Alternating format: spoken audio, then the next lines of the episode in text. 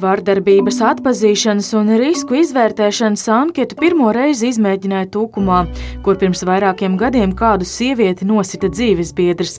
Sieviete cieta ilgstoši, policijas ekipāžas uz greizsirdības scēnām brauc piecas reizes. Sastā reize bija pēdējā, sieviete bija mirusi. Speciālisti ir pārliecināti, problēmas pamanot laikus no nāves var izglābt. Rudenīgs vakars Rīgā. Pašvaldības policija dodas uz izsaukumu. Kur viņš jums sita? Nu, Vederā man sita vairākas reizes.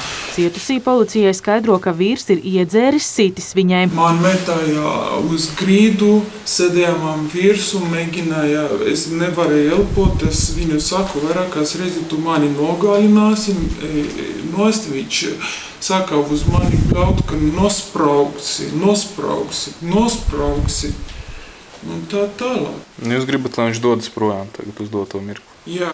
Vīrietis vardarbību noliedz un dzīvokli pamet.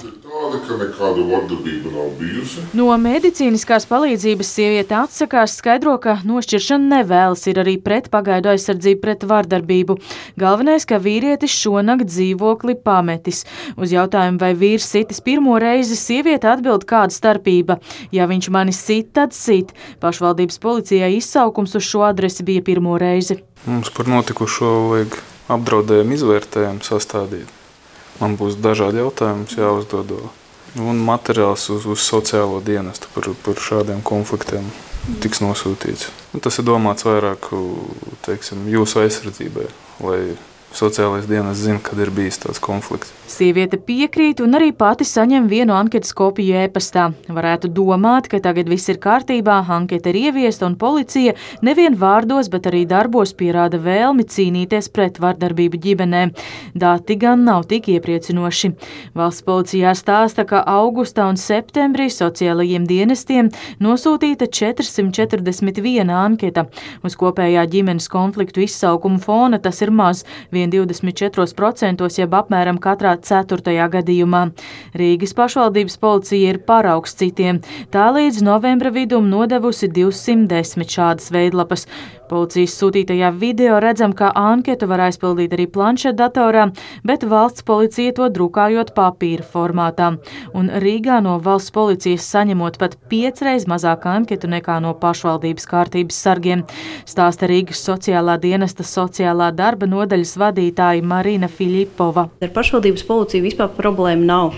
Mēs tos ziņojumus saņemam vai nu tajā pašā dienā, vai nu divu dienu laikā pēc konflikta situācijas. Tas, kas skar valsts policiju, tur mēdz būt 5, 7 dienu laikā, vai, piemēram, bijis viens gadījums, kur, piemēram, mēneša laikā atsūtīja tikai informāciju. Līdz ar to mēs varējām reaģēt pēc mēneša. Policijas darbinieks pēc uh, izsaukuma sagatavo pavadvēstuli un uh, šo kopiju nosūta uz uh, elektronisko adresi attiecīgā sociālā dienesta. Nevajadzētu būt, ka mēnesi neseņem. Tā atbild valsts policijas dienestu koordinācijas biroja priekšnieka vietniece Iveta Valaine. Sūdzas arī tiesneši.